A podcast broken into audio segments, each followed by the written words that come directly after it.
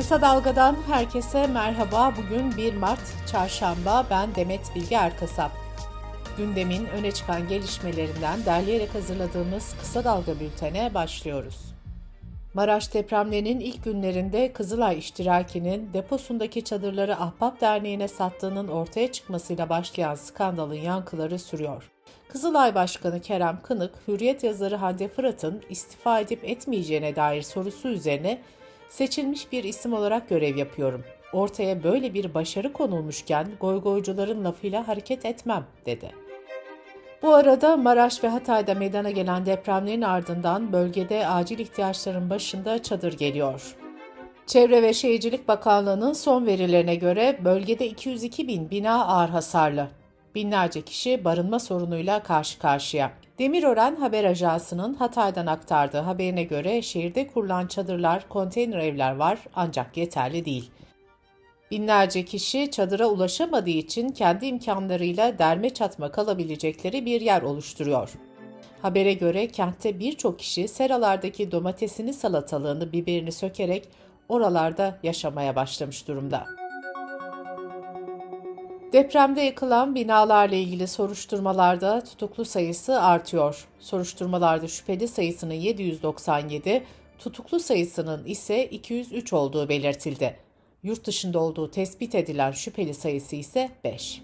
Hatay'da çöken Rönesans Rezidans'ın yurt dışında olduğu belirlenen ortağı Hüseyin Yalçın Coşkun için iade talepnamesi ve kırmızı bülten çıkarılması talebi Adalet Bakanlığı'na iletildi. Soruşturma kapsamında rezidansı müteahhiti Mehmet Yaşar Coşkun tutuklanmıştı. Maraş'taki depremlerin ardından gözler İstanbul'daki binalara çevrilmişti. Depreme karşı dayanıksız olduğu saptanan İstanbul Üniversitesi Cerrahpaşa Tıp Binası dün tahliye edilmeye başlandı. Bu arada Kağıthane Devlet Hastanesi'ndeki inceleme de tamamlandı. Depreme dayanıksız olduğu tespit edilen binanın taşınmasına karar verildi hastane kısa bir süre içinde tahliye edilecek. CHP Genel Başkanı Kemal Kılıçdaroğlu partisinin grup toplantısında iktidarı eleştirdi.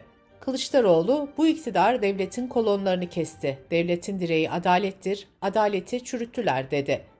Kızılay'ın çadır satmasına tepki gösteren Kılıçdaroğlu, Kızılay yetkililerine sesleniyorum. Deponuzda kaç çadır varsa getirin hepsini alacağız ve deprem bölgesine götüreceğiz diye konuştu.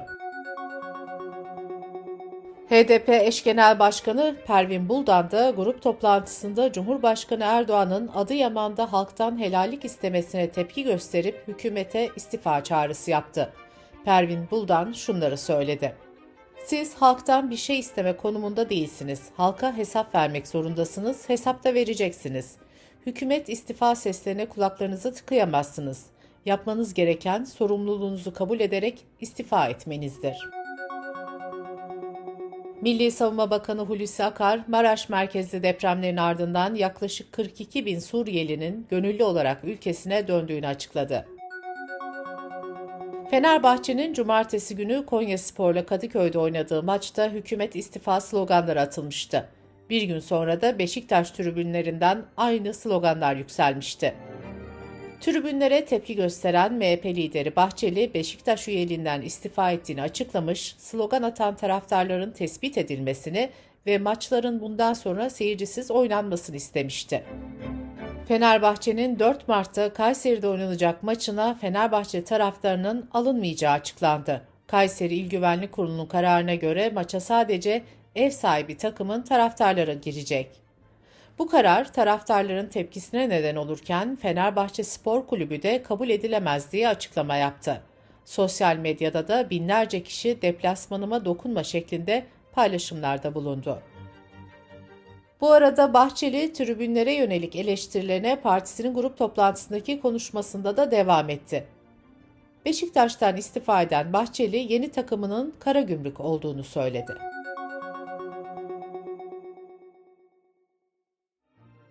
Depremlerin ardından iktidarın seçimi erteleme formülü üzerinde durduğu iddiaları gündeme gelmişti. Yüksek Seçim Kurulu Türkiye İşçi Partisi'nin bu konudaki sorusuna yanıt verdi.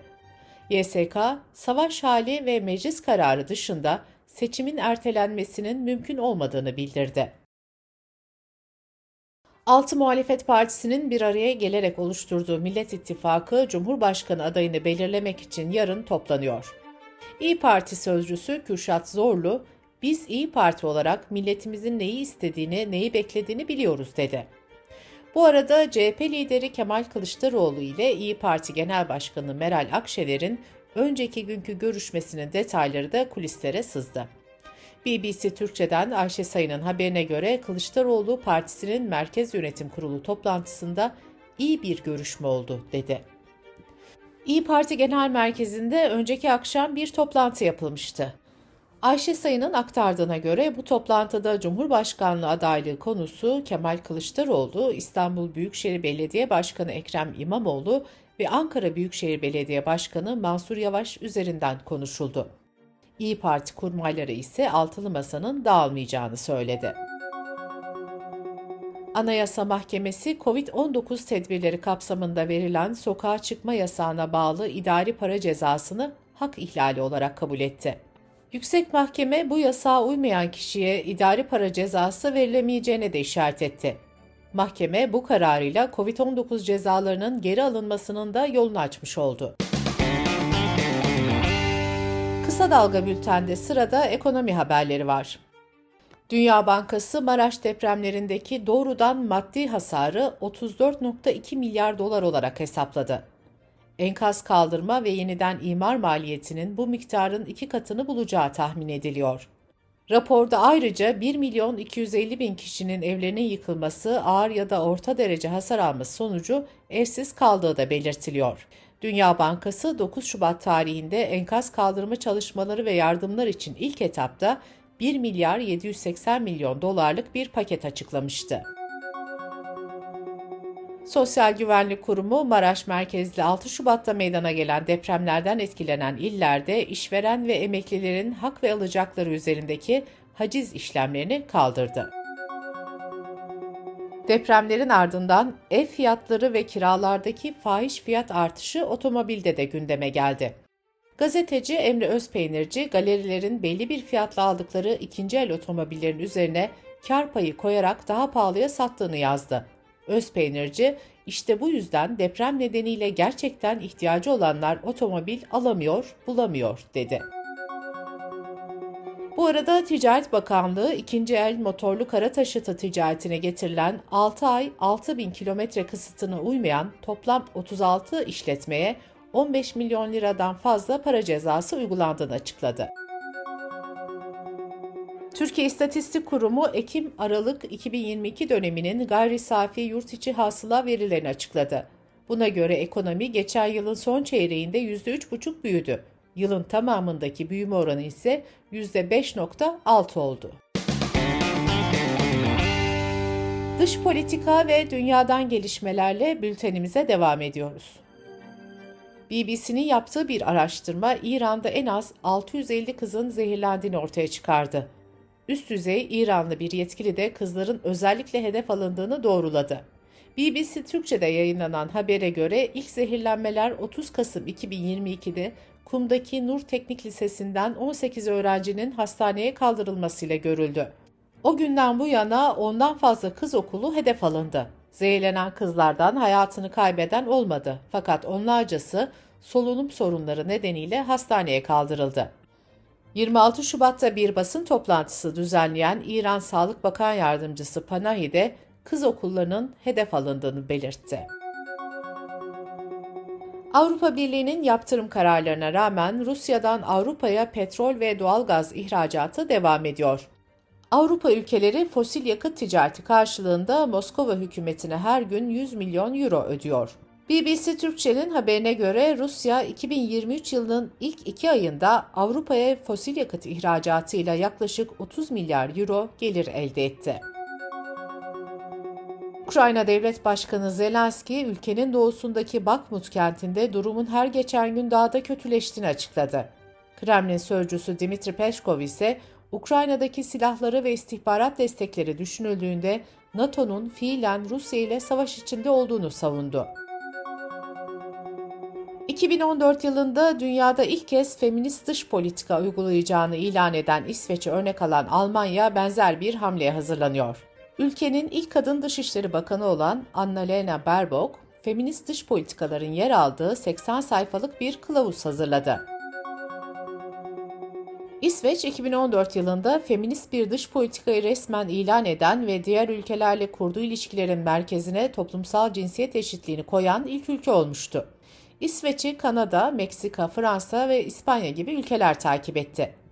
İsveç uzun süre bu bağlamda bir örnek model olarak görülmekle birlikte bu kavramın sadece kağıt üzerinde var olduğuna dair suçlamalara da konu olmuştu. Avrupa Komisyonu'nun ardından Kanada'da memurların iş telefonlarında TikTok'u artık kullanamayacağını bildirdi. Bu karar ülkedeki bilgi güvenliği yetkililerinin uygulamanın gizlilik ve güvenlik açısından kabul edilemez riskler barındırdığını tespit etmesinin ardından geldi.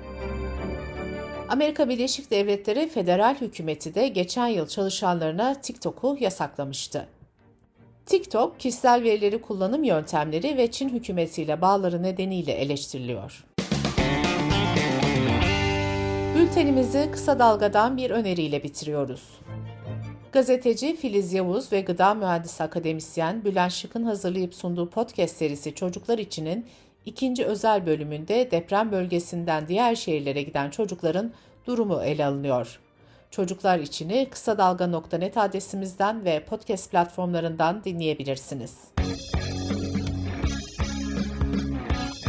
Gözünüz kulağınız bizde olsun. Kısa Dalga Medya.